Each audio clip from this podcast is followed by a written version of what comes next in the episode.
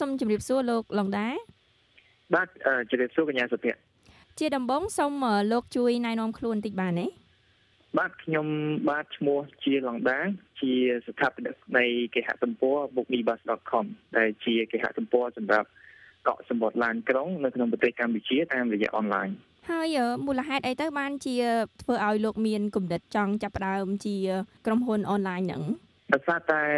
ខ្លួនខ្ញុំផ្ទាល់គឺជាអ្នកដែលអាសាធ្វើដំណើរតាមរថយន្តឈ្នួលក៏ដូចជាឡានក្រុងហើយខ្ញុំមើលឃើញនៅផលលំបាកជាច្រើនក៏ដល់ពេលដែលខ្ញុំត្រូវការសបត់ឡានក្រុងម្ដងម្ដងជាពិសេសគឺយើងឃើញនៅស្រុកនៅប្រទេសកម្ពុជាយើងដើម្បីទិញសម្បត្តិឡានក្រុងយើងត្រូវធ្វើដំណើរទៅទិញតដល់ office ឡានក្រុងឬក៏ធ្វើការខលតកក់ សម្រាប់ការខលតកក់ក្រុមហ៊ុនតម្រូវឲ្យយើងហ្នឹងទៅបង់ប្រាក់មុនការធ្វើដំណើរហ្នឹង1ម៉ោងមុនអញ្ចឹងយើងឃើញថាខាត់ពេលវេលាច្រើនមែនទែនដោយសារតែ background ខ្ញុំខាង IT អញ្ចឹងខ្ញុំក៏មានកំណត់ថាហេតុអីបានយើងមិនប្រមូលព័ត៌មានជើងដំណើរឡើងទៅទាំងអស់យកមកដាក់លើគេហទំព័រហើយដូច្នេះនឹងនឹងធ្វើឲ្យអ្នកធ្វើដំណើរទាំងអស់អាចងាយស្រួលក្នុងការស្វែងរកក្រុមហ៊ុនណាមួយដែលគាត់ពេញចិត្តនិងអាចប្រៀបធៀបនៅតម្លៃបាន ចាហើយចំពោះបទពិសោធន៍នៃការបង្កើតក្រុមហ៊ុននេះដែរតើអាចចែករំលែកបានទេថាតើមានផលវិបាកក៏ដូចជាគុណសម្បត្តិយ៉ាងម៉េចខ្លះទៅបាទជាពិតការចាប់ផ្ដើមជាក្រុមហ៊ុនដែលចេញពីចំណុច0មកដូច្នេះវាមានឧបសគ្គច្រើនហើយនៅក្នុងនោះឧបសគ្គយើងមានតាំងពីបញ្ហាថវិកាហើយនឹង បញ្ហានៅការទំនាក់ទំនងបញ្ហាថវិកាមានន័យថាពួកយើងរកការប្រតិបត្តិការអនុវត្តផែនការទាំងអស់គឺយើងពឹងផ្អែកទៅលើគំនិតច្នៃប្រឌិតការសហការដែលពុំសូវចំណាយអស់ប្រាក់ច្រើនឧទាហរណ៍ដូចយើងចង់ធ្វើ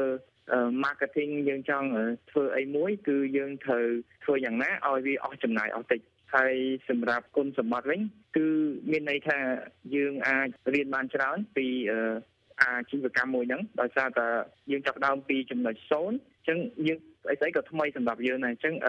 ទៅពេលវេលាទាំងអស់គឺយើងនឹងរៀនពី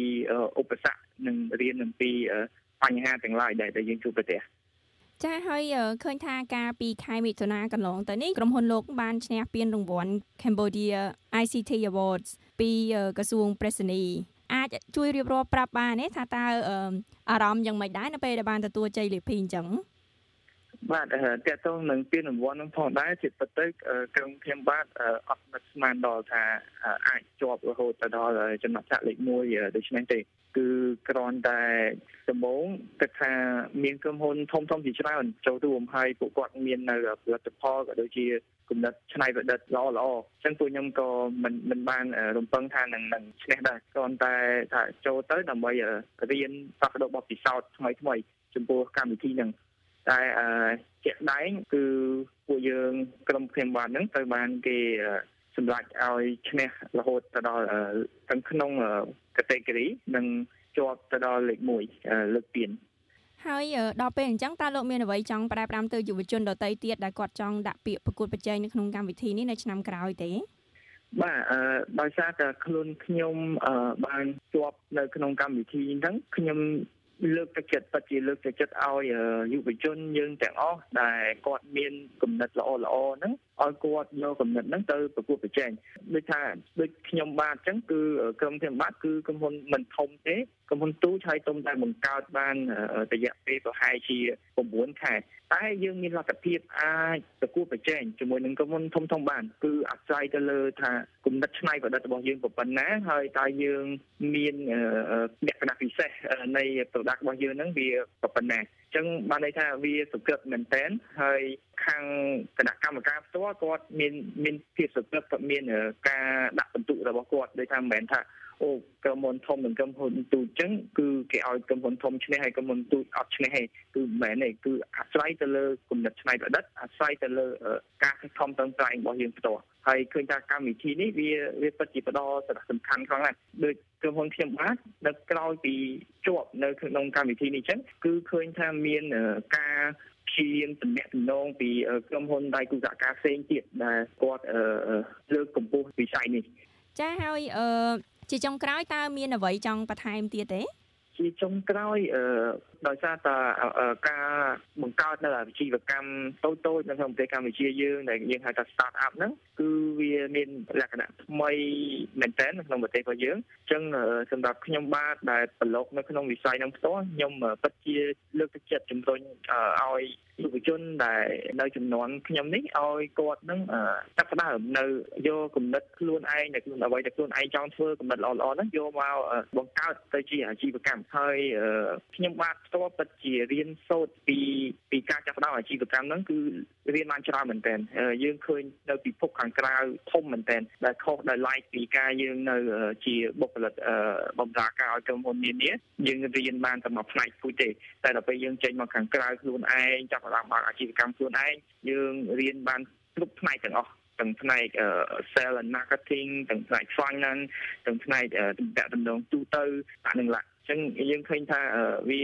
មានសារៈប្រយោជន៍ច្រើនមែនតើមួយវិញទៀតគឺខ្ញុំលើកទឹកចិត្តឲ្យចាប់ផ្ដើមអាជីវកម្មតខ្លួនតែសូមពួកគាត់យ៉ាងហោចណាស់ដកស្រង់នៅបទពិសោធន៍ការងារឲ្យបានយ៉ាងតិច2ឆ្នាំព្រោះថា កាលណាយើងចាប់ផ្ដើមអាជីវកម្មផ្ទាល់ខ្លួនហ្នឹងវាយើងនឹងជួបឧបសគ្គច្រើនមែនតើអញ្ចឹងបើសិនជាយើងអត់ធ្លាប់ជួបការលំបាកអស់នឹងអត់មានជំនាញណាមួយច្បាស់លាស់ពិតប្រាកដទេវានឹងធ្វើឲ្យយើងនឹងងាយនឹងទទួលបានការបរាជ័យដោយអ្នកទាំងអស់គ្នាបានដឹងហើយថាអាជីវកម្មទូទៅដែលហៅថា start up ហ្នឹង គឺ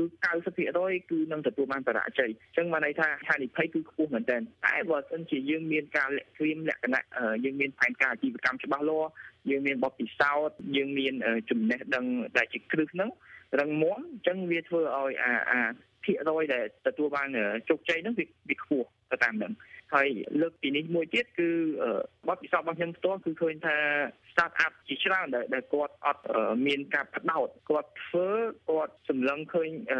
វាល្អនៅពេលដែលគាត់មានមហិច្ឆតាតែមហិច្ឆតាកុំឲ្យមានការលុបលុនឃើញថាពីរហ្នឹងវាខុសគ្នាហើយន័យថាកាលណាគាត់ធ្វើអីមួយគាត់បដោតអារម្មណ៍នោះអាចំណុចដែលគាត់បដោតហ្នឹងគឺនឹងធ្វើឲ្យគាត់ទទួលបានជោគជ័យដោយឡែកបើសិនជាគាត់និយាយឲ្យស្ដាប់ទៅមានន័យថាកាលណាយើងចាប់ផ្ដើមអាជីវកម្មយើងនឹងអត់មានចំណូលវាត្រូវការពេលច្រើនអញ្ចឹងបើសិនជាកំឡុងពេលដែលយើងចាប់ផ្ដើមហ្នឹងមានការតាក់ទាញពីរបស់មួយផ្សេងទៀតដែលថាយើងអាចទៅរកចំណូលបានតែអារបស់មួយផ្សេងទៀតហ្នឹងគឺវាអត់តាក់ទងទៅនឹងអា long term plan របស់យើងទេអញ្ចឹងវាធ្វើឲ្យយើងហ្នឹងបាត់បង់នៅ focus ទៅលើអា main goal របស់យើងអញ្ចឹងការផ្លាស់ប្ដូររបស់ខ្ញុំទៅកាន់យុវជនផ្សេងទៀតគឺសូមឲ្យមានការ focus ក្នុងការបង្កើតអាជីវកម្មឬក៏ដំណើរការអាជីវកម្ម ចាសូមអរគុណលោកឡងដាហើយនៅពេលនេះដែរនឹងខ្ញុំក៏សូមជម្រាបលាផងដែរចាបាទសូមជម្រាបលាកញ្ញាសុភ័ក្រ